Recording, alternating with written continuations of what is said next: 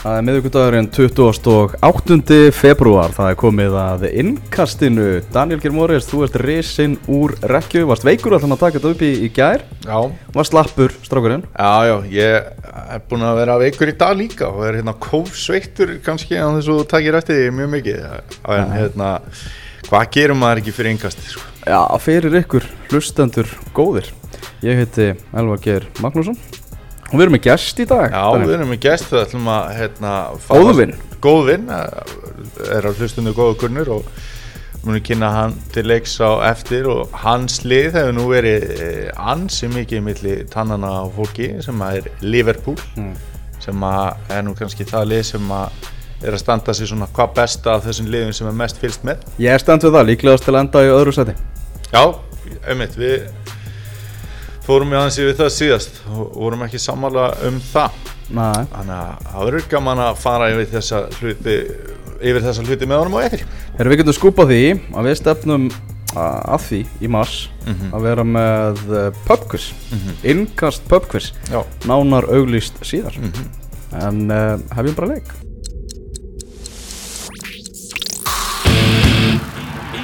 Innkastið Fótbolti.net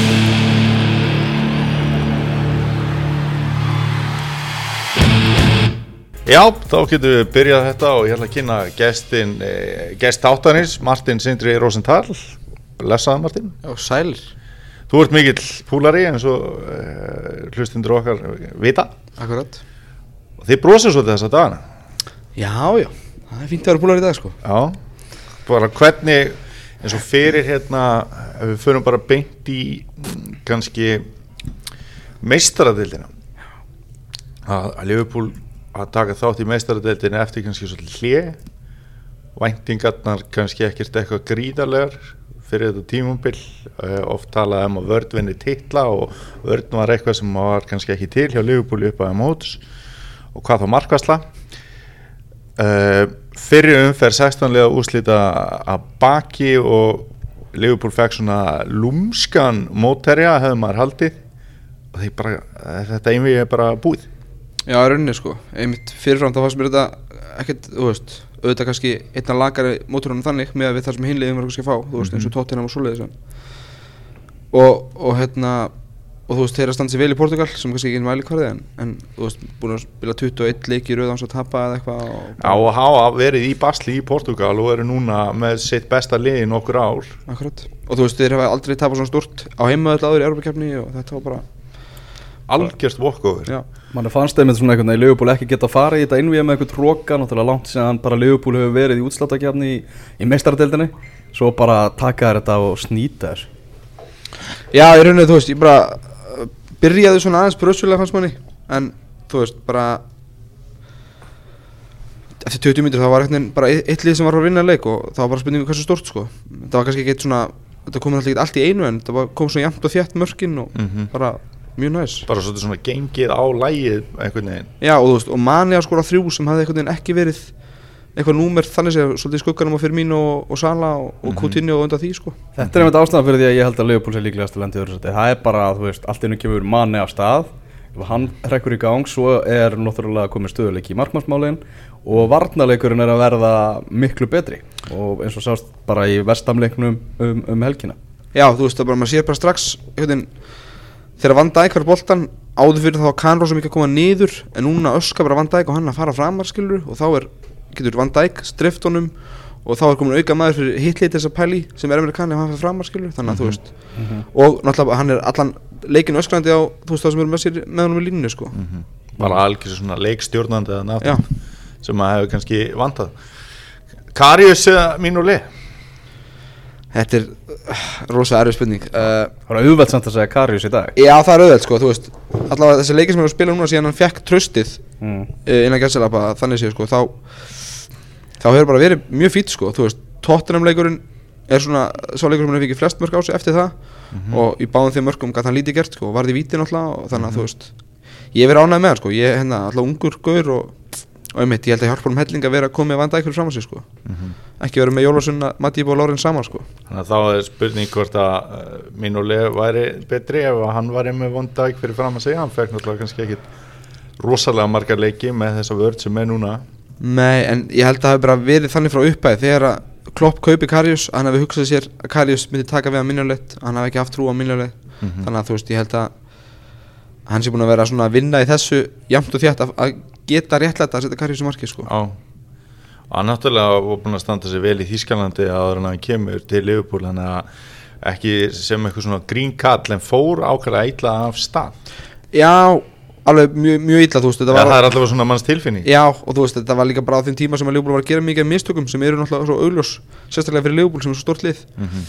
en þú veist, mér fannst það bara byrja bara strax í haust þegar Klopp ákveður að hafa Karius sem mistarelda markmann Mhm. að hann vildi leifa hann að fá leiki og svo hann gæti hann þá skipt yfir í algjörlega Karius Mhm. ef hann myndi nýta það sko. Já sem að hann hefur alveg gert En ég er með spurningu, ég er með þraut fyrir þig Martin. Ef það væri bara úrslita leikur mestaradeldarinnar bara á morgun og það væri hérna, Leopold með alla heila hvernig er varnalína Leopold ef að þú, þú verður að stilla hennu upp Þú veist ekki með eitt lið sem eru ekki á móti? Uh, Hvað var þetta? City? Það er ekki bra. Já, ok. Sko, það, þá er varnalíðan, þá erum við að tala um Karius í marki þá erum við að tala um Robertson í vinstri bak uh, Ég er hrifin af Van Dijk og Lovren saman Ok og svo vil ég setja bara Trent að inn sko mér finnst hann miklu betri fótballtamæður heldur en Joe Gomez og Gomez náttúrulega er bara engin bakur en sko. Klein er líka heill í þessari spurningu Elvas mm. já þá myndi ég hafa Klein mm -hmm. að fyrir úrslileikum mestraröldunar hann er með miklu meira reynslu heldur en Arnold og þannig sko mm. ah.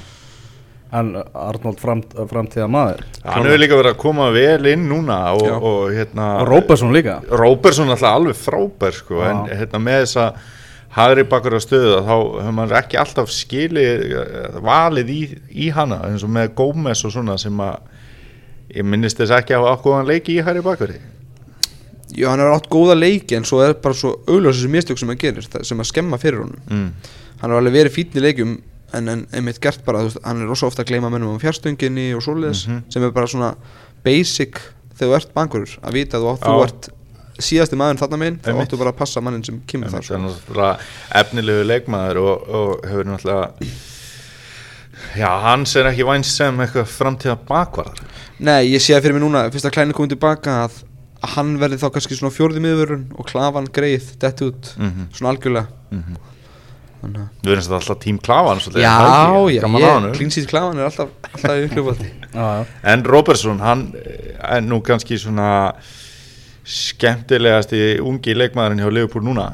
Já, hann er svo Dark Horse, finnst mér sko, svolítið, ég hérna hafði alveg fylgst með honum hjá Hull og, og, og svoleiði sko, en átti ekki vona að hann gæti tekið þetta stökk. Mm -hmm. uh, Svo náttúrulega byrjar hann á eftir Moreno í gögnurlauninu sem spilaði vel, þá náttúrulega meðist Mhm. síðan þá, þá lítur bara ekkert út fyrir að Moreno komast aftur inn sko. Hann er að spila betur í raun og veru heldur en Moreno þegar hann hefur spilað vel hjá Liverpool, er það ekki? Jú, ég, mér finnst það sko, hann er að ná vel saman við, við manni á vinstikantinum og, og alltaf miðutekir hver sem það er sko. Mm Hann er aðeins eldri en ég held, hann verður 24 ára núna í maður Já, ok, Já.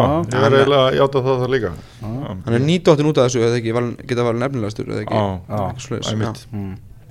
En hann er náttúrulega kannski pínu leðilegt fyrir hann þannig að við varum að spáir í svona taktík að hann er náttúrulega með frábæra löpp og góða fyrirgjafir í liði sem að spilar ekki með mikið af fyrirgjafum sko. Nei, nei, alveg satt og það hefur oft svona þegar ég horf á leiki og hann er að senda inn í þá skil ég ekki oft hvað hann er að pæla sko þetta er ekki eitthvað sem Leopold gerir. Nei, en svo þú veist, finnst mér hann hann er það duglegur að, það- að skilja sig eins og í fjóramarkinu á Leopold á móti vestam já, þá er hann mættur utan hlaup og assist þar það skilja þó svo hann sé ekki að, að, að ná sem krossum beint á hausinu á einhverjum og inn sko. Það þá, þá hérna finnst mér svona hann eigi frekar að fókus á það að vera bara að fara í overlap frekar en að vera að fá hann einhvers staðar út og, og neglum í það er bara ekki það sem Leopold gerir sko.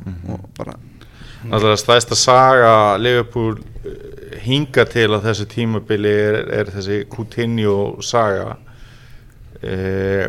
margir spekingar hafa verið á því að Liverpool spili bæði betur og skemmtilegri bolta en eftir að hann er farin eh, við veitum náttúrulega að- hann er óbáslega góður fótboltamaður og allt það en Eh, var hann bara að klappa boltanum mjög mikið í Liverpool 3 eða ertu ósámalað þessum pælingum? uh, nei ég er sammála þessu sko þú veist liði bara spyrja öðruvísi þetta er bara miklu einmitt, hann klappa kannski boltanum meira þannig að þetta er miklu svona hraðari bolti Mm. þeir eru miklu fyrra að koma hann náttúrulega ekki hraður Nei, klálega ekki, þú veist, sérstaklega ef hann var að spila vinstra megin Mhm. í þessu fremstu þreymur, þá náttúrulega er hann lítið að fara að hlaupa inn fyrir, þetta er að Mhm. fá hann yfir lappir og, og býða þeir eitthvað að koma í sig og taka áherslis, Já. þannig að núna er þetta meira svona, þessi þrýr á miðunni eiga bara hvernig að koma boltanum á þessi þrjá fremstu og þeir hlaupa bara, sko, Já. og þú veist mér finnst það bara miklu skemmtilega að horfa á heldur en hitt, sko. Mhm. þó svo hitt geta alveg verið gott, sko. Er áhugaveru leikur, næsti leikur á Liverpool, Newcastle í heimsóknu anfíld Já. Benítez að að mæta og, og hann hefur nú í svona leikjum verið að, að leggja rútunni. Já, og gerir það vantarlega miða við hamen sem að Liverpool er í. Já, já. Og þá spyr maður sig eins og með Firmino sem er ekki hann hefur náttúrulega allavega fyrir mér komið svakalega óvart á þessu tímubili og spila bara miklu, miklu betur heldur um ég bjóst við. En vandraði Liverpool í sóknarleik gætu einmitt endur speglast í eins og heimarleik á móti Rafa Benítez. Já klálega, sko. Þá er, svona spurning hvernig, hann, hann verður alltaf með þessi þrjá fremstu mm -hmm. En þá er bara spurning hann- hvað hann gerir varandi miðumennina sko, hann þarf þá að vera með eitthvað svona meira kreatív þar frekar en sko að því að hann getur ekki verið með Kahn, Milner, Van Aldum skilur, hann þarf að vera með Oxlade Klárleino eða, eða Lallana þannig að þú veist, það er bara spurning hvernig uh, setur það upp og svo skiptir rosa miklu máli að Leopold fá ekki þessu marki fyrir áleik sko, því þá er þetta bara, þú veist, þá þeir ná vallast nú við, eða þú veist, ég hef ekki séð að gerast ennþá sko. En mjög ekki Newcastle fara inn í þann leik eins og þeir séu bara marki yfir? Veist, Þeir eru bara alltaf að verja þetta stig. Jú, mjög líklega sko, það er alveg, þú veist, það sást bara það er ekkit langt síðan að Leopold tapa á mútið Swansea. Mm -hmm. þannig að þú veist ég veit ekki hverja lausnum þeir eru en ég bara vona að Klopp sé búin að finna út úr því sko. Ég held að það hjálpi rosa mikið að Van Dijk sé komin svona meira inn í þetta og sé miklu meiri ró yfir þessu þannig að það er minna stress ef eitthvað klikkar skilur Mhm. Og Liverpool er náttúrulega að nýta hotspilnu líka svona þokkalega. Nákvæmlega þú veist það er komnir núna tveir menn hann inni sem eru uh, Matti verður aldrei líklega til að skora en það er alltaf eitthvað stóra dekkan. Mhm. og Van Dijk er náttúrulega Hann er líklegur til að skora. Líklega til að skora þannig að þú veist það losnar um eins og Emre þannig, já. Og fyrir mínu og fleiri í, í því sko. Og það var svona þegar þessari svona stærstu sögu er lokið þetta með Coutinho og, og mér fannst Liverpool klúburinn leysa það upp á tíu í einhvern bæði náttúrulega náðu að kreista út Íslenski Liverpool hérna Já, nei, bara félagi Já. og hérna að fá bara kreista út hvert einasta pund sem hægt var að fá og, og, og Van Dijk dýlinn hann að klára aðeins og undan og ekkert eitthvað stress að fara strax í eitthvað í janúar. Meðan það er líka á mörguleiti klókt sko. En núna er sagan eh, bara svolítið með Amerikan Já, ég las ekki staðar í dag að Jóndur gaf hann um eina viku til að skrifa undir eða, eða ekki sko. Það var einhver, á einhverju Leopold síðunni sá ég það að þeir gefa hann um eina viku og, og þá var hann að vera búin að ákvæða sig þannig að en maður veit að ja, þykist það samt að ef hann mynd- vill fara til Juventus annan apríl Já. þá er það í bóði Já, já, klálega sko, ég hérna Þannig að svona fyrirvarar er nú kannski ég, þetta er náttúrulega bara í, í, að setja press á hann svo Já, þeir já. geti vita betur sko. En ég held, þú veist, á þess að ég vita það nokkuð þá hef ég svona tilfinningun að Emre Can vilja sjá hvað gerist með á, hversu langt er á mestraldinni og hvar þeir endi í deildinni. Mhm. af því ég held að hann hafa alveg trú á verkefninu en ég held að hann hafa ekki trú á að það taki sé nú fljótt að gerast fyrir hann. Á og Klopp hefur nú spilað honum frekar mikið Já, hann er eiginlega bara, fyrstum blað fin- finnst mann oft sko í, þú veist, hann spilar eiginlega alla leiki og þú veist, hann spila ekki með Porto af því að hann var alltaf í banni sko, en Mhm. hann spila eiginlega alla aðra leiki þannig að mm. ég held að hann sem ég ofalega blaði á Klopp og ég held að Klopp vilja halda honum þetta er bara eitthvað á milli umbósmanna og, og svoleið sem að Er staða Henderson uh, vandræðaleg? Já, það er ósað vandræðald að þurfa að vera með fyrirlegan á bekknum Mm. í leikum sko Og hann hefur náttúrulega kannski svona ef að horfi yfir svona síðustu fimm ára eða eitthvað svoleiðis verið kannski hvað stöðuðast í leikmaður Liverpool og ekki að mann hefur sjaldan fundist Henderson eiga svona beint slaganleik Nei, það er satt sko En það er eitthvað, það er svona einhver X-faktor sem, sem Emre Can er að sína þegar hann er að spila þessu stöðu Mhm. hann er að skora mörg mm -hmm. uh, hann er að leggja upp mörg, hann skoraði alveg upp í síðasta leik þú Mhm. veist þannig að þetta er það sem Henderson einhvern veginn gerir ekki nú mikið af Mhm. þannig að þú veist hans staðið er klálega í hættu sérstaklega ef við segjum að Emre Can skrifundur nýja samning og við fáum Nabi Keita þá sé ég ekki Einmitt. að hann spila marga mínútur næst tíma Þetta er að verða svakalega breytt þarna á miðjunni og, það var náttúrulega vantilega þú hefur væntalega vonast til þess að Keita myndi koma bara í janúar Já, fyrst að Coutinho fór þá auðvitað vildi ég það Mhm. uh, en svo náttúrulega hefur bara klopp sínt að hann er aldrei að fara að láta íta sér út í neitt kjaftaði sko. Mhm. uh, og klúburinn líka þeir vildu fá, manni hvort það verið 15 miljonar punda aukalega Já. til þess að hann kæmi í janúar klúburinn var ekki til í það uh, hinga til þá hefur klopp tekið réttar ákvörðunar á leikmannamarkanum Mhm. svona að mestu leiti þú veist, fyrir þetta kannski klafan sem kostaði lítið og, og Karius er kannski koma best í ljós núna en þannig ég treyst honum alveg Það fyrir er þessu, sko. náttúrulega ekki mik miklar áhættur svo sem í peningunum með þau kaup bæði sko.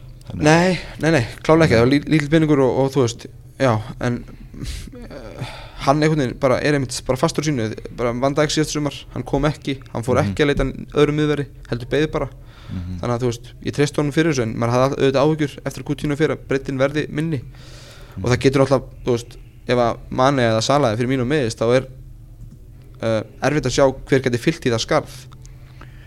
Mhm. En varandi nú er náttúrulega eru markmið í ennsku úrvasteildinni það er ennþá februar og markmiðin er orðin fáránleg í stöðu eiljósi stöðu Manchester City. Mm. eh, li- markmið Liverpool hefur náttúrulega alltaf þá verið að enda í meistaradeilda sæti í deildinni. Helstu með United á sunnudaginn? Mm, nei, mér var raunin alveg sama sko, það er hérna við erum eftir að fara Old Trafford mm uh, það, sá leikur hef, hef, skipti meira máli heldur en þessi á milli City, nei Chelsea og United sko, fyrir Liverpool finnst mér -hmm. uh, af því að þú veist, það, það hefði verið win-win hvort sem er, af því að Liverpool nei, Manchester vann, þá bara stærra bíl á milli Chelsea og Liverpool Mhm. sem að, veist, það, sem því að þeir geti fyrr tryggt í meðstöldsætið Mhm. ef að United hefði unnið, nei tapað þá hefði Liverpool náttúrulega verið í, öðru sætinu og það er fínt sko, en það er alveg Mhm. tíu leikir eftir og stutt á milli þannig að Mhm. og náttúrulega þó að það endist ekki nema í hvað 15 klukkustundir þá hefur væntalega verið svolítið pepp að vera komið hérna í annarsæti Já, klálega, af því að eins og fyrir áramót kannski um jólinn, þá var ég ekkert voru bjart sinna á þetta, þá var ég bara að horfa á fjóraksæti sko, af því að Já. þá, þá var Jónum það langt og undan og voru að spila, þú veist, voru að knýja út úrslit og spila ágætlega fannst mér Mhm. þannig að þú veist, þetta er, horfur alltaf þessu við mig núna heldur, heldur þá til þeim sko. en er ekki Liverpool nokkuð líklegt að enda í top 4 alltaf Jú, þeir eru að spila best Elvar, þeir- Elvar er búin að sitja í annarsæti Já. ég er svona meira í þriðja sætinu. Uh, við erum báðir við erum að báðir brey- breytir fúðalega litlu. Voðalega lítið Já. nema náttúrulega bara hvernig tablan lítur út og, Já, og hérna já, bara í þessu skringilega tímabili hvort tvekja frábær árangur. Þetta er, já, ég veit bara keppni núna um hver verður lang næst besta liðið. Mhm. og hérna og þú veist, mér væri alveg auðvitað að vera gaman að lenda í öðru seti en mér væri alveg samöðulend í þriðið eða fjórða sko. Já, já, að þú veist, þetta er eitthvað svona langtíma verkefni á klopp. Og og fyrsta tillinu farin, þá skiptir það í lengum máli. Nei.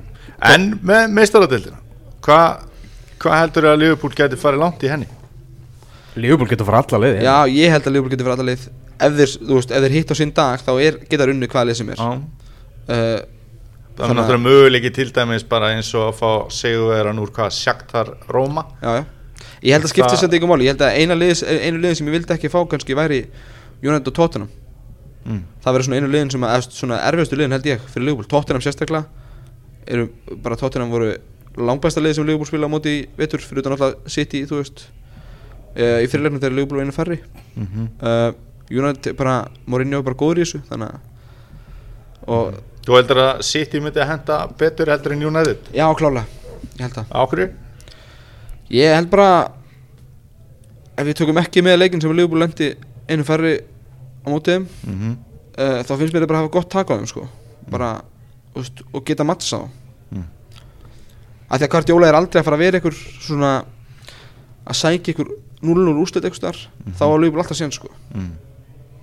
Að Mourinho myndi fara í þetta verkefni út frá meiri taktík Já, eins og hann bara gerði á móti Sevilla hann bara náði í úrslit þar á sem að eru bara mjög góð úrslit fyrir þá. Já, fórum með mitt um það en daginn og ég var svona á því að mér finnist viðbröð margar stuðningsmanna United vera ansi íkt Já, ég skil svo sem alveg viðbröðin þannig sé en þú veist, þetta eru bara mjög góð úrslit. Já, ég skildi þið ekki. Mér þetta, einmitt, mjög góð úrslit og þetta er bara e, snúið einvíi í e, hérna, erfiðri keppni og, og hérna, Bara, Meni, þetta er bara fyrirháleikur skilur Já, ég segi það sko.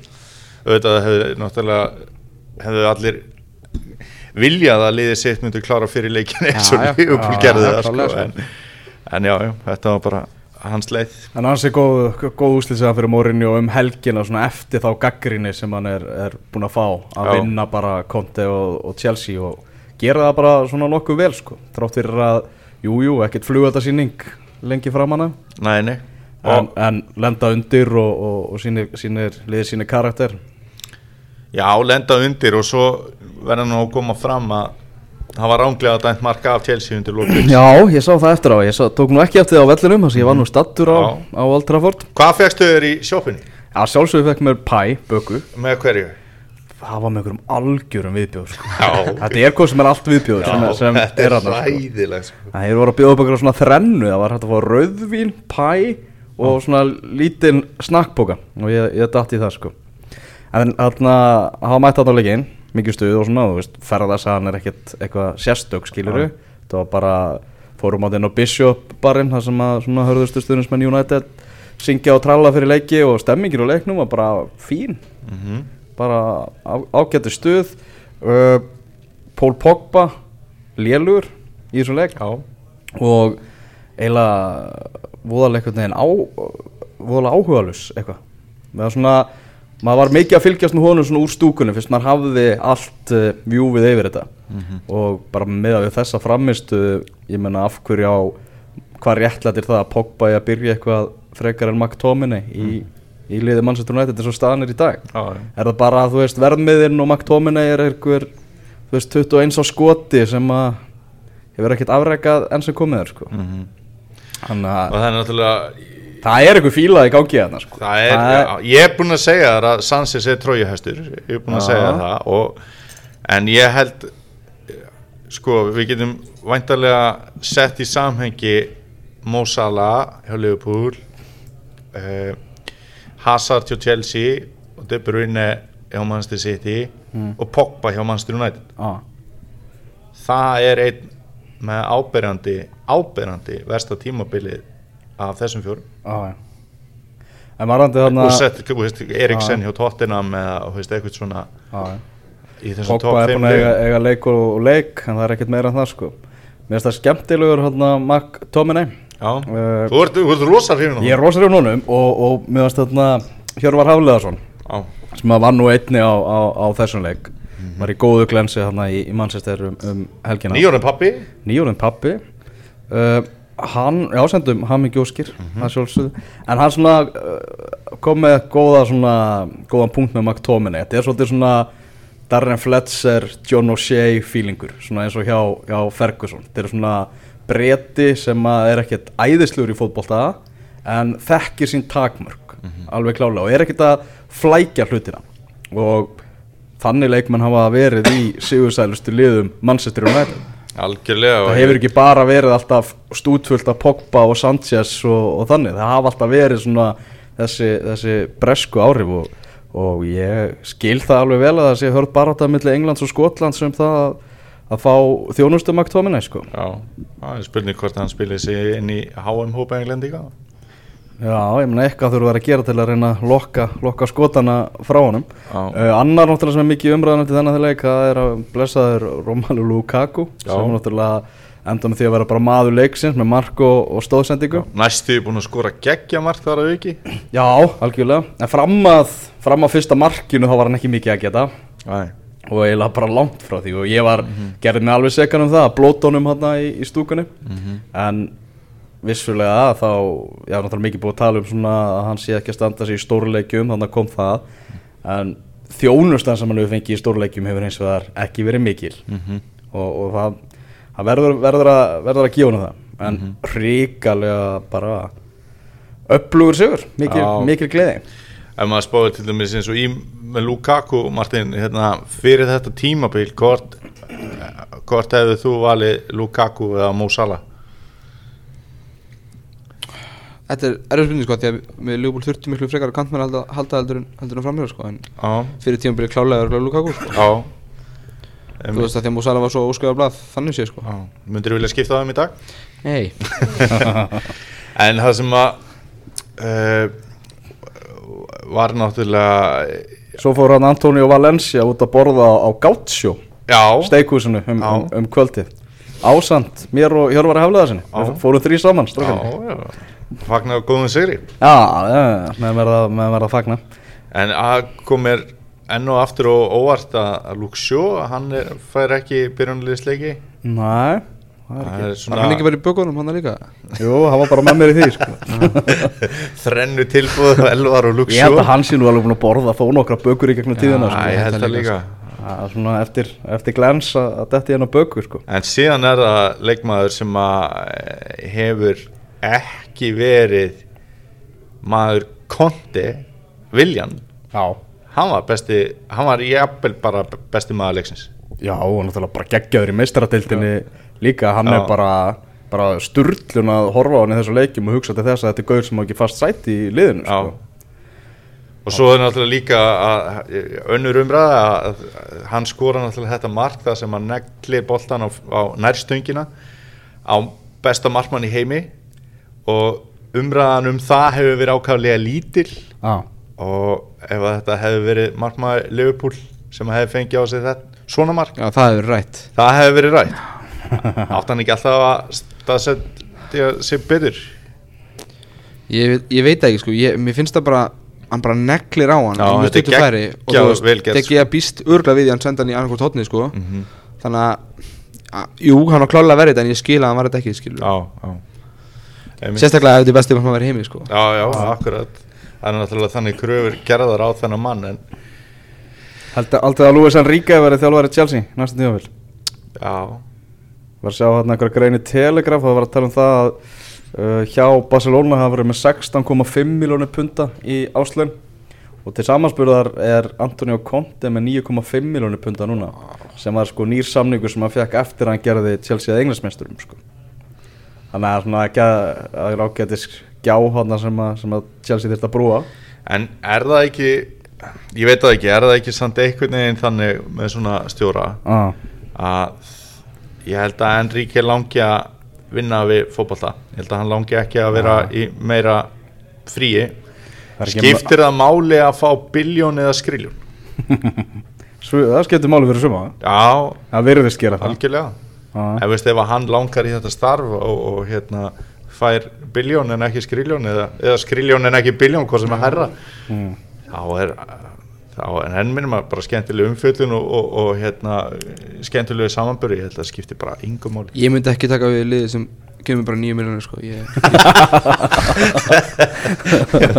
Skilðið við Daniel, þú sleppur að gett sko. Það var úslitaleikur um, um helgina. Já, Það var byggar á loft, delta byggar á loft. Manchester City 3-0 sigur á móti Arsenal. Þínum mönnum, vengar Þetta er ekki hans mót, þau eru aldrei unnið það. Mhm. Mætir hann í úrslitaleik og þeim er bara snýtt. Byrjum á, á fyrsta marki Manchester City já, í leiknum. Uh, Svona ó, mjög ósittilegt mark. Til að bara leið eitt. Eitt, Claudio Bravo, langur. Aguero, mistök frá Mustafi. Uh, Mustafi Við leitt einbyttingalyssi maður. Og Aguero líka sína kannski meiri svona líkamsbeitingu Já. í návi heldur en hann er kannski þekktu fyrir þó hann fara alveg í návi inn á milli sko. Sko nú var ég gríðarlega spenntur fyrir komu Mustafi. Mhm. og Og dreifin af þjóðverðanum Já, og Martin hefum það samir Þetta er hérna erum hrifnir að, hrifnir að þýska landsliðinu en það verður að segja að hann er búin að vera algjörst algjörst rusl í treyja Arsenal ég var alveg saman að ég var mjög spenntur fyrir að fá hann að fá hann í ansvo deildina sko því að Mhm. ég hefði bara spilaði stórt hlutverk á HM bara góður leikmaður sko en hann hefur algjörlega einhvern veginn mista mm -hmm. Annar maður sem maður er að fá mikla gaggrinni Granit Xhaka Já, það er aftur um móti leikmaður sem þú hefur verið lengi hrifin af. Já, bara ansi lengi og ég held að Arsenal var að gera ansi fín, fín kaup þau fengið fyrir síðasta tímabil. Hann átti brösut fyrsta tímabil Já. en ég var alltaf svona gefum honum tímabil 2 á Englandi. Já, nú er bara þólumæðin á þrótum Já. nú held ég að sé bara hægt að stimpla sem flop já, bara, ekki spurning. Já, bara hann fekk sinn tíma og, og hann er enn að fá sinn tíma. Einhvern veginn vengar vengar er ekki búin að gefast upp á hann verið vera. Hann bara spilar honum trekk í trekk. Fórum að hann var til aðeins að ræða sem að John Cross okkar maður var að tala um það sem að einhverjir Arsenal stjórnum sem voru að tala um það að það væri bara eitt leikmaður í deildinu eða eitthvað sem væri búin að taka fleiri snertningar á boltan á tímabilinu eitthvað svona John Cross sagði bara, akkur er það gott? Já, já akkur er, akkur er það að taka það sem jákvæðan punkt? Sérstaklega í, er það ekki bara vesen að hann sé búin að taka allt og hann marga veit ekki hvað hann á að gera við boltan sko. Nei, ég meina, og hvað hefur hann tekið margar snertingar þar sem hann snýr inn í leikmann sem heyriði boltan á honum? Ah, og við vorum nú bara að tala um Coutinho áðan og það sem að við vorum ekki að rósa svona óþára snertingum.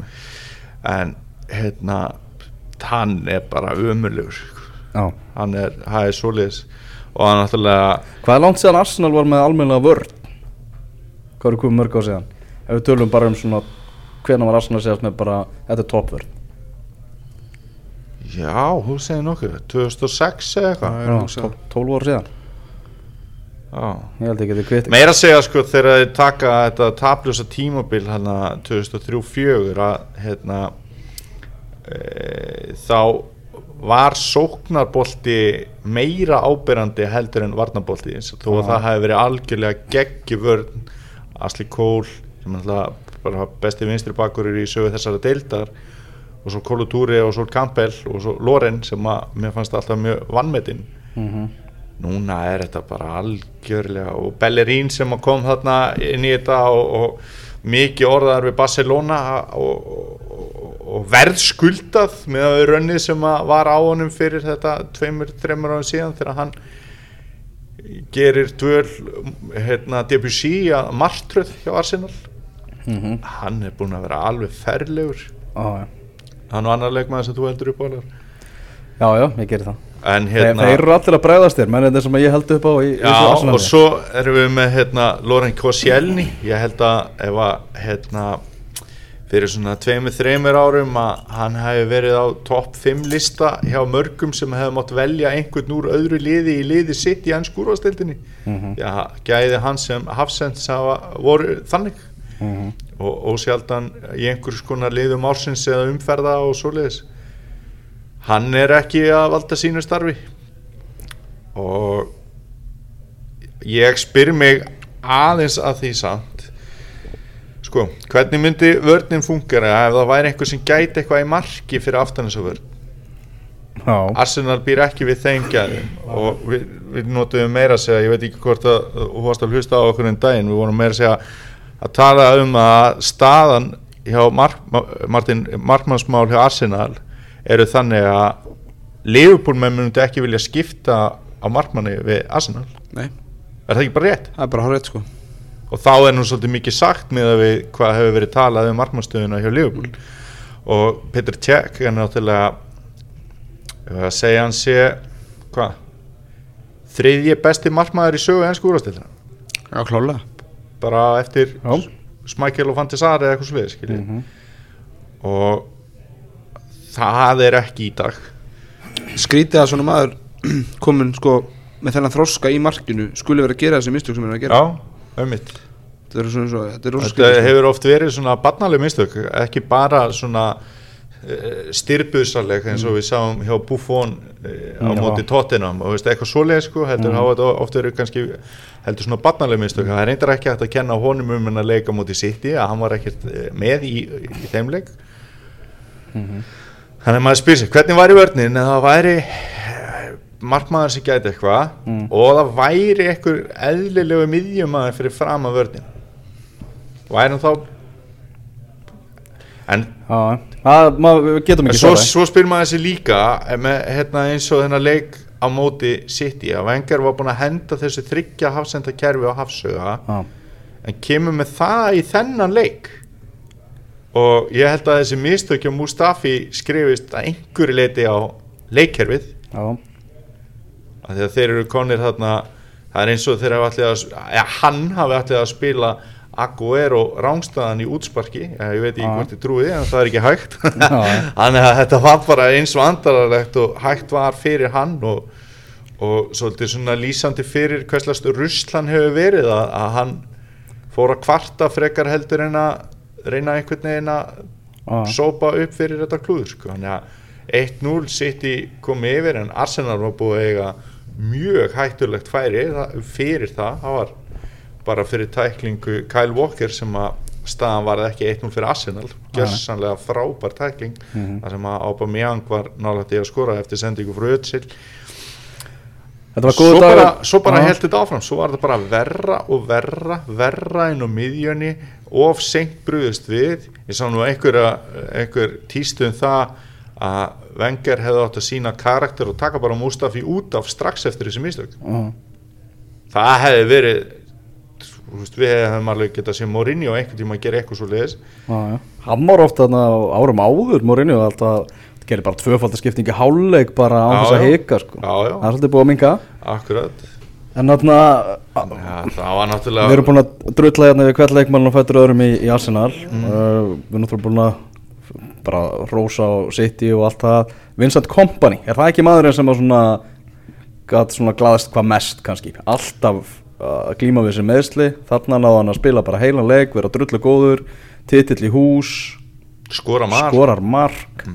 Þannig að ég held að þetta hafi verið svona maður getur svona samfagnað eins með, með honum. Það er ótrúlega auðvelt að samgleðast honum, David Silva og Sergio Aguero. Já. og það er kannski sérstaklega að koma hann í. Samanlega því? Já, samlega Það er alveg geggja næs að vera með svona spari leikmann sem er bara oft meittur en svo er bara úsluleikur, þá er hann klár, Já. skorar veginn liðið upp það er Besti bara- maður vallarins. Já, þú veist, þeir eru samt með þrjá miðverið sem geta alveg komist í öll liðin í tóf fjórum þannig séð sko. Á, akkurat þannig að ég, ég er með svolítið svona eh, longshot tvífara. Ok, það er hérna tvífar er mjög gott efni í podcasti. Já, það er hérna það er Company já, og Frank Vammi klón það er mjög langt sko. Og það er En rosalega ef við, ef við myndum taka þá annar, Ég veit að annar er svartur og henni hvítur Bara, nú skulið þið sem er að hlusta Prófa að finna myndir að þeim Aðeins velta þessu fyrir ykkur En bara smá út út úr Þetta er eitt af steiktasta sem við komum með hérna í, í, í þessu engasta mörgu, mörgu steiktu. Förum aðeins yfir í, í vengar. Til að redda þessu tímabili fyrir hot, það er bara Arsenal að vinna Evrópudeildina. Bara allt annað og þá er þetta bara stórlega að missa hérna tímabil. Já, ég myndi eiginlega segja bara svolítið eða, Samt ekki alveg eins og í fyrra Því að þeir tóku náttúrulega Unnu þeir ekki dildabíkarinn í fyrra Þannig að við, Sem er, ok En sko, ef Arsenal vinnur Evrópukefni félagslega Mm. Já, Europa League Þá er þetta bara gott tímabil hjá Arsenal. Sama hvað. Bara eins og niðurstaðan var hjá United í fyrra Jú, þeir tóku vissulega eitt byggar í viðbóð En þá er þetta bara gott tímabil hjá Arsenal. Sama hvaða drulla hefur verið í gangi. En munurinn eins og við rættum áður í svingkasti kannski á United í fyrra, fyrir árið síðan, þá gatt maður bara sem að Manchester United horta á liðin sem voru eftir í Evrópudeildinni og sagt bara United á að vinna þetta. Já Nú eru miklu sterkari lið sem eru annars. Sko. mm Þetta, er, þetta er bara einn sterkasta útslátakjapni Evrópudeildarinnar frá upphæði sko. Já, og það er náttúrulega sýnir sig í næsta drætti að það er hérna búið að vera skyndi hjálpa maður sem að fengi til að berja í brjóskassa allra á San Siro, Genora Gattuso sem er búin að blása lífi í bara eitt sögufræðasta lið allra tíma, Milan. Uh, unnu um helgina í Rómaborg. Og þessi lið er að fara að mætast. Þetta eru, þetta eru þau lið sem ég held með. Já. en maður er Arsenal-stunum maður frekar. Og þetta var ekki góðu dráttur fyrir Arsenal. Þetta verður svakalegt einmið maður. Já, það verður nefnilega hörku emi og ég er ekki endilega að sjá Wenger klára þetta Lacazette sem hefur nú ekki verið spes finnst mér, hann hérna er ekki líklegur til að spila þessa leiki og þá verður Danny Welbeck fremsti maður Mhm. hann skoraði ekkert mark á móti svíjónum nei. í tveimur leikim Já. þrátt fyrir urmul og færum og, og, og svona fyrirgjafa stöður þar sem hann var að gaufast einhver staðar úti, úti teig frekar en var að koma með hlaupin og nærstöng og eitthvað svona þannig að Mhm. þetta er byllust og náttúrulega leðilegt að með ekki nota Aubameyang í þessari keppni út af einhverjum fáránlegum reglum sko. Stan Kroenke, bandaríkjamaðurinn sem er eigandi Arsenal. Þetta er náttúrulega, það er hann það er hann á endanum sem þarf að, að rekka vengar. Já. Það veltur bara einfallega á honum. Það er náttúrulega aðrir mjög mjög svona stórir menn hérna í, við stjórnurinn hjá, hjá Arsenal. Já. en þeir þurfa að samfæra þennan gaur á endanum um það því að Já. það er hann sem segir já eða nei. Já, og hann er gríðalegur vengar aðdáðandi og sagt bara að þessi bara samband þeirra sé það náið að Kroenke bara sé bara meðan þú er, nennir að vera hérna vengar þá bara, þá bara ertu hérna. Já, þannig að, að það eru svona ímsa kjaftasögur náttúrulega farnar á stað að menniti sem eru fyrir neðan í píramítunum séu farnar að telja það að vengar þurfa að fara. Já. ég ætla ekki að byrja þau um að dæma um það en hvern myndur þú vilja fá ef vengar Veistu það, þetta er spurning sem maður er búin að spurja sig síðan svona 2008 já já, tíu ár og hafa alls konar skrítin svör komið á þeim tíma ef að fara yfir topp 5 lista hérna það er svona mirror komið 5 sem getur tekið við. endilega. Uh, Jókim Löf mm -hmm. landslistjálfari Þýskalands uh, með samning til 2020 en fer kannski að detti nýja hann þurfa að fara að taka nýja áskorun. Leonardo Jardim sem að náttúrulega er hjá Monaco og búið að tala um það að spili kannski leikstíl sem að hendi Arsenal vel? Já, og ekki í fyrsta skipti sem hann er orðar við þetta starf. Já, svo kemur uh, áhugavergur Paulo Fonseca sem er uh, búin að gera frábæra hluti með Shakhtar. Já. og það var talað um það að Everton hefði viljað fá hann eftir að þeir ráku hann Ronald Koeman. Svo kemur Brendan Rodgers mm sem hefur svona gengið í gegnum endurinn í lífdaga hjá Celtic eða svona náða að rétta við aðeins svona neikvæða stimpilinn sem var komin á hann en á heimbúinn þú veist Já, þú veist, og mjög líklegt að hann vilji fara að koma sér frá Celtic, hann getur verið þarna hjá Celtic næstu 20 árin og verið skotlandsmestari næstu 20 ár, sko. -hmm. Það er ekkert mál, uh, en það er ekkert annað en það. Uh, svo er það Mikael Arteta, mm -hmm. sem er svona, náttúrulega, eh, sá óreindasti á þessum lista. Já, Uh, fyrir um fyrirliði Arsenal og af svona kannski leikmunum, að fyrir um leikmunum Arsenal þá er hann ekki svona hæst rankaði núna sem svona kandidatin í þetta? Uh, hann er búin að vera, búin að vera aðstofum að Pep Guardiola hjá, hjá já, City. já, en uh, Patrik Vieira var náttúrulega líka hjá City og er að þjálfa í bandaríkjunum hann er að uh, mér finnst jafnvel skrítið að sjá Arteta á svona lista frekar en hann. Mm, Uh, ég bara það er ekkert á þessum lista sem að uh, heilla mann eitthvað svona þannig sko. Var getur verið að tala um Ancelotti sem líka klár að- að sé að láta Arsenal vita á símanúmurinn hjá sér? Já, þá náttúrulega spyr maður sér bara hvort að vengar mætti jafnvel vera bara aðeins lengur veist, er það ekki svolítið sami skóli eða maður veit það ekki. Já, en náttúrulega samt, gekk rödd og já, já, Já. og það verður náttúrulega bara svo rosalega mikið breyting bara að vengar fari sko. Um, þannig að Þú ert ekki alveg tilbúin að sleppa jú, vekar ég er eiginlega svolítið Það er svona nostalgía. Það er nostalgía sko og hérna það er hérna ótrúlega gaman náttúrulega þegar vel gengur og eins og að þegar hann tekur lifti góðgera skildinum í haust og, og enska byggarnum síðasta vor og eitthvað svona og þetta, Já. þetta er þetta er náttúrulega gæi sem að gaman í marga gleðistundir þegar maður var krakki og gætt loksins sagt United vinnu sínum Inga Steini og félögum að halda kjafti sko. þannig að það er hérna ótrúlega gaman en, en uh, sko, ég held að uh, pælingarnar hjá svona flestum Arsenal stuðnismönnum séu orðnar svolítið þannig að það skiptir bara einhver máli eða skiptir ekkert svona rosalega miklu máli hvað kemur í staðin Það er bara að breyta það þarf bara að breyta Já. og ekki af einhverju svona vannvirðingu við vengar veist, hann er einn besti knaspirni stjóri ennsku úrastildarinnar Mhm. bara frá uppæði og það verður ekkert tekið á hann Mhm. en hérna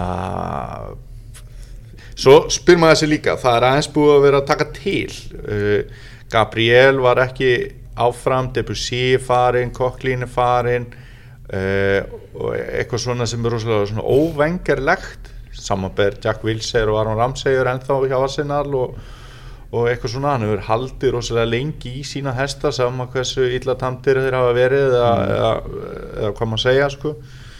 Þannig að er eitthvað á döfinni með það að verði keifti dýri leikmenn og, og, og þá eins og við vorum að tala um á það Mustafi að sjaka og eitthvað færist þá bara aftar í kokkunar en að við það.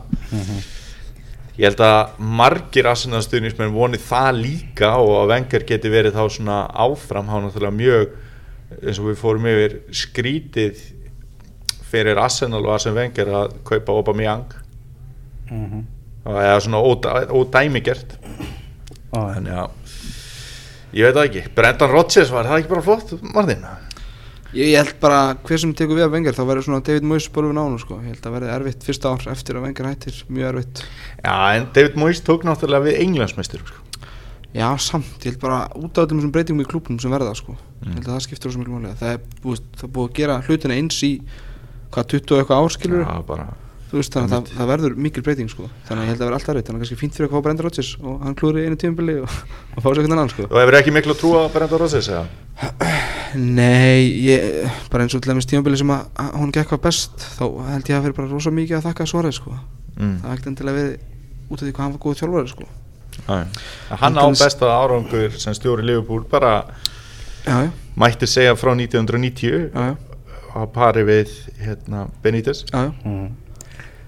Nei, en nei. tímabilin fyrir það og eftir það voru ekki góð sko. Nei, nei. og svo en Brendan Rodgers verður aldrei stjóri í Arsenal eða allavega ekki næsti stjóri það væri, mjög er- sérstakt sko. maður er ekki að segja það Herðu, förum aðeins að stinga niður uh, fæti annar staðar Mm. uh, Kíkjum aðeins á önnur úrslitum um helgina Tottenham vinnur hérna út í sigur á, á Crystal Palace uh, Tottenham náttúrulega frábært fótbolltalið en hvar væri þetta lið samt án Harry Kane? ótrúlega hvað hann er búin að bjarga þeim oft sko. Hann er bara magnað hópultamæður Myndur þau vilja fá Suárez frekar í, í Liverpool en Harry Kane? nei, ég myndi að fá Kane frekar núna sko. Já, það? er klárt mál já. Já, það er stór orð. Mm, Það er stór orð. Áhugavert. Ég las þarna um hennar leik, ég sá nú ekki að Sergi Aurier hefur tekið þrýveis Já, engast fyrsti í sögu deildarinnar til að hafa ekki það. Já það er líka magnað, hann er þú veist, á okkur 50 landsleiki fyrir Fílapinströndina 50 leiki fyrir PSG og eitthvað Nei, hann er bara þrýveis rámt engast og Kane gerir bara grína á hann Já, já. Verðskulda grín Verðskulda grín Æ, nei, Það er mjög gott en, Tö- Töluðum aðan um Leopold Vestam Þar var baulað á Patris Evra. Það Já. kemur kannski ekki óvart menn er ekki búin að gleyma Rimmu Hans og, og Suárez þetta er samt ljótt sko. þetta er mjög ljótt af því að þú veist fólk getur aldrei vita hvað gerist í raun og veru. Ah, það var þetta mjög ljótt. Það er náttúrulega einhverju sem að hafa gengið svo langt að segja að þess, þetta baul sé stuðningur í kynþáttatur já þú veist þetta er stuðningu við Suárez þannig að ef að Suárez sagði eitthvað ljótt þá er þetta bara náttúrulega stuðningu við kynntadatur sko. mm en það eru alltaf skemmt epli allstaðar það er bara þannig. En þó að hérna maður verið seint talin kynþáttahatari það er ótrúlega auðvelt að þóla ekki Patris Evra. Já, sérstaklega var þetta ekki jónat með það sko. Já, ég meina, þetta er bara en þú veist ef þú tekur bara eins og málið þegar hann var hjá franska landslið Já, það akkurat er ekki skemmt og svo náttúrulega nýbúin að sparkja þetta á þetta Já, já, akkurat. Þetta er- hinbóin er þetta ógeðslega fyndingur sko. já já. Og, og á samskiptamiðlum og svona sko. að, að, hann er léttur ljúur á kátur. Já, ég, þetta er svona einn af fáum sem að hefur held ég bara alltaf farið í tögunar mér. Þetta er mikill mestari Herðu, Lester og Stoke en síðan varðan hann hörku vel strax á eftir. Já. Uh, verður hann í markinu í sumar? Englandi Nei, það var, byrjum fyrir ekki. Jú. Það var ekki Jú. ha- hann sem að varði. Þegar Maris fyrir að neyti í gegn Já. Kurt Zuma verið það Já, ok. Það er, Ég held að ég sé alveg öruglega þá er Botland ekki marki í sumar. En, en hérna Hann verður í marki á engan Já, ég held það líka. Og líka, þú veist, þrátt fyrir þessi vandræðalegu mistök þá, þá ge, þú veist, þegar mark verður að gera mistök þá verða þau oft vandræðaleg. og ég meina, dæmi mann ekkit bara á þessu. En það var samt svo áhugavert ekki bara þessi mistök Hann var búinn að standa kjur í viku. Ah. áður en fyrirgjöfum kom veist, hann var, hann var ekkit svona engin reyfanleiki og þetta var eitthvað eins svona eins og hann hafi svona kallaði þetta hans yfir sig. En það reyndar fipast náttúrulega að einhver hættilegasti framherri deildarinnar er rétt búin að missa því að snerta boltan Jamie Ah. Vardy hann ja. en þetta var alveg rosalega vandræðið og dýrt stókir náttúrulega í raskat í þessari deild Mhm. og hérna eru bara uh, lélegir og frekar leiðilegir Mm. og hvar væri Tottenham án Harry Kane, veist, hvar væri Stoke án Shaqiri sem hafi verið bara geggjaður á þessu tímabili og skoraði luxusmarki í þessu leik þannig að það er vesinn í stók Watford vinnur 1-0 sigur á móti Everton. Já, uh, Troy Dini já, geggjamark geggja mark hjá geggjum leikmanni. Já, en uh, var hann í böku líka með þér og Já, já. aðeins lengra. Og, og Asle Williams líka. Sá er, Jesus. sá er búinn á því þú veist það er bara þannig bara frábær varnamaður í mörg ár. Já, ekki lengur. Nei, hann er 33 ára og hann er bara komin yfir klettin, kom, fór hann náttúrulega með Wales á EM allavega í undanúslit og var frábær og allt það. En á þessu leveli þá getum við bara kalla þetta gott, hann er búinn að vera allt og slakur á þessu tímabili fyrir Já. Everton. Algjörlega það er bara alveg umörlegur og missir þarna Díny langt frá sér og já. Gilvi fær ekki merkilega einhvern eftir hennar leik. Mm. Og, og svolítið verið talað um gáleysi Sam Allardyce í því samhengi að hún sé ekki spilað í sinni réttu stöðu. Já, Þetta veit, er þessi umræð orðin þreytt? Já. þú veist, þú veist, eða bara þetta mál Já, orðið þreytt sko. akkurat. Þetta er bara já, svona er þetta. Maður held nefnilega að því að fyrir ekki, maður held nefnilega að því að mann fannst Everton svona halvpartin sigra janúarklukkan veist, koma hérna með því og Volkot og Túsún og, og, og ætti svona eitthvað meira að fara að gerast? Það er ekki. Er ekki líka svolítið að þeir hafa enga að keppa lengur? Þeir eru konur út úr þessu skýt sem þú voru í. Já. En eru bara að hanga Já, já, já. það er ekkert það er ekkert epli eitthvað að ná í sko. og ég held að sama allardæðis verða ekki stjóri Everton á næsta tímambili Ég vona ekki maður.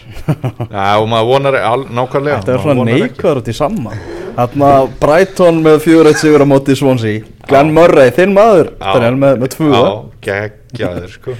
Varst ánægði með það? Já, ég er ríkala ánægð með hann. Þetta er svona karakter sem að glæði deildina lífi Ekta breyti bara sem að kann að staðsetja sig og skora mörg og Hann- er hann ekki bara eitt markaðasti englendingurinn í deildinu núna Ég sé hann alltaf fyrir með múra að virka þetta og mæta svo bara að leikja hátíðun og lögutum sko. nákvæmlega sko. Þetta er akkurat þannig gæði sko. múrarinn Úrarinn, sko. og hérna e, maður átti jafnvel vona á sigri hjá Brighton í þessum leik sann að sagna en þetta var algjört burst á breytlið á vellinum og, nokkart skoraði þarna geggja mark þar sem að hann afgreiti boltan skemmtilega í skrefinu. Hvert fólk til að skoða það ef að við sjá alvöru kláslu en bara góður sigur hjá Brighton sem að ég spáði falli en þeir, þeir eru að standa sér mjög vel. Mhm. Þarna, ég vil aðeins fara, ég vil hafa kostningu hérna, við störum þrýr. Ég er á því að þarna, að ég hætta þessum endur teknu leikjum ef leikir enda jafntefli í, í byggar Sammála, beint í framlengingu. Já, bara leikið til þrautar. Já, alveg, klart mál, lengur komið tíma á það. Sko, vissulega náttúrulega rökin með því að liða eins og Rockdale sem að Er að spila í kvöld? er að spila í kvöld á móti Tottenham, fær hann allt innu bara leika á Wembley og, og, og svaka stuð og eitthvað en svo, svo koma leikir eins og þessi Swansea Sheffield Wednesday bara fyrir náttúrulega tómum velli. Var hvorugt lið að nenna endurteknum leik hann sko. Nei, og ef maður spái líka í það eh, hefði Rockdale slegið tóttina út í fyrirleginum hefði, Þú veist, ef það hefði verið leikið til þrautar. Já, Þannig að, hérna, að, að þeir séu að fá eitthvað með því að þessi endurtekin leikur er kannski ekki endilega rétt mm að því að þeir já, jú, auðvitað er það rétt eins og staðan er núna. En hérna ef að þeir þeir hef, voru líkleri til þess að slá út tóttinam ef það hefði verið leikið til þrautar þegar leikur er komin í framleikingu heldur en þeir eru að slá tóttinam út í kvöld. Þessi leikur fer svona 5-0 fyrir tóttinam í kvöld. Já það er bara byggar á að vera bara, bara eitt leikur það er eitt, si- kjaftæði. eitt sigurvegari hinn er Það er heim meira að segja ekkert langt síðan það voru tveir úrslitaleikir í deildabíkarnum já, Það er algjörlega galin pæling sko. Góður samanlega þessu. Heyrðu, þarna, ég er með top 10 lista. Ok. Sem uh, Football 365 byrti sem að ég var að hugsa um að byrta á síðunni í ger mér fannst hann einhvern veginn svo ósangan þannig að ég ætla bara að taka hann hérna og þá getum við bara drullað hans yfir þetta þetta eru þarna top 10 leikmenn úr ennsku úrvasteldinni sem hafa ekki unnið raskat. Svo við tölum bara góða íslensku. Og það er verið að tala um sko og, og og það var verið að tala um tit, sko, ekki, ekki einstaklingsvelun heldur hérna hafa ekki unnið ennsku sétildina þeir hafa ekki unnið norska byggarinn uh, bara þeir hafa ekki unnið neitt. Ok, og er svolítið ósækjart við þetta að menn eru svolítið á mismunandi stað á sínu ferli þarna sko uh, í tíundasæti er Trevor Sinclair. Ok. Uh, í að hann sæti sé þá tíundi besti maðurinn sem er ekki unni raskat já, Ok. það hlýtur að vera hugsunin. Í Ok. níunda sæti uh, Kieran Dyer. Ok, mjög áþekkir leikmenn á mörgur leiti en já, já. í áttunda sæti er Danny Rose. Ekki hann aðeins meiri sinns að titil. Já, það er einmitt mál. Mér finnst það mjög ósækjart sko í liði svona tóttina sem er svona kortir í að fara að vinna titil sko. en minna Danny Rose er búinn að spila sig úr byrjunarliði tóttina já, Fyrir það. Þannig að, já. sjönda sæti er Leighton Baines. Já, Í sjötta sæti er Dele Alli. Ok. Í fymta sæti er góðvinnur einhversins, German Defoe. Já, Það er svona, já, maður skilur það vel. Já Hann hafi ekki unnið neitt Nei, hann sé á Hann sé á listanum. Þannig að í fjórða sæti er Roberto Firmino. Já.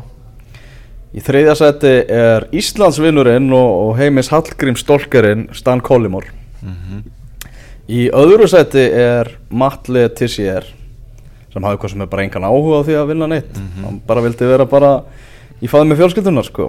Mhm. og í fyrsta sæti er Harry Kane besti leikmaður bara eins skúrasleitar sem hefur aldrei unnið nokkuð skapaðan hlut. En hann er náttúrulega unnið einstaklingsvelun með guldskófin tvisvar. Já, já. Já, þetta er, þetta er, þetta er ósækjart listi, er ekki samanlega því? Jó Mér finnst þetta að vera svona Ég er nokkuð vissum að við þrýr getum hérna hist bara eftir vinnu á fimmtudaginn eða á morgun já, fengi okkur einn svellkaldan og, og, og hent saman miklu betri lista en þetta. En þetta þarf náttúrulega að vera að það mátti ekki búin að vinna neitt Ekki tildabíkar eða neitt sko. Nei, Nei. bara nákvæmlega ekki, ekki mátti ekki hafa unnið norska byggarinn Mátti ekki að unni konuna í Olsen Olsen sko.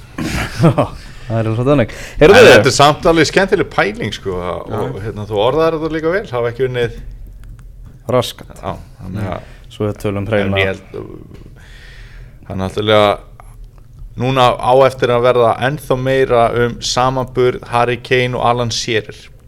Og að Harry Kane er kannski svona líklegastur að slá þetta markamett mm. Shearer 260 mörg en skúrastildinni engin annar farið yfir 200 minni mig eða hvort að Rúnís er búin að því núna.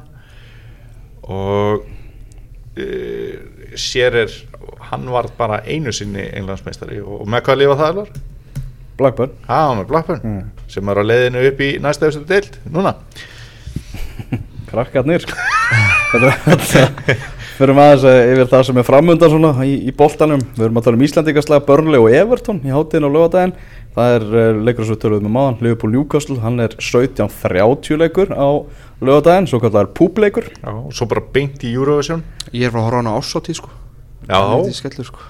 Já, á Eurovision Nei, á leikin Ég ég fylgist með Eurovision Twitter. Já, já, já. Manchester City er að fara að kefa mótið Chelsea á, á sunnudeginum og svo er Crystal Palace Manchester United á mánudeginum. Og ef að þú verður ekki veikur þarinn þá giska ég nú á að við tökum upp engast í Já, kjöldfara ég þeimleik stefna á að vera bara ekkit veikur meira. Nei, Allavega ekki í februar heyrðu, að lokum heimaverkefni, Já, ég ætla að setja heimaverkefni á þig. Ok? Og það því að við uh, verðum tveir í næsta þætti. Er það? Já, hverju? út af þessu heimaverkefni. Ok. Þá ætla þú að velja byrjunarlið Englands á HM bara byrjunarlið Englands í fyrsta leik á HM Ef hann myndi bara byrja á, á, ef hann yrði bara. á mánudaginn? Já, Ok, eða þriðudaginn já, ok Bara tilkynna að liði daginn fyrir leik og ég ætla Já. að gera slíkt til sama og ég er nú vanalega með betri lið en þú þegar við erum að velja svona þannig að Nei. gaman að sjá það líka þessu sinni Nei, hann var síðast en, en, en annars er þetta búið að vera bara einstöðna hjá mér sko Það minnir mig alltaf Heyrðu, bara segjum þetta gott Já, Martin, gaman að fá þig í heimsón og bara áfram Leopold, það ekki? Jú, Takk fyrir að fá mig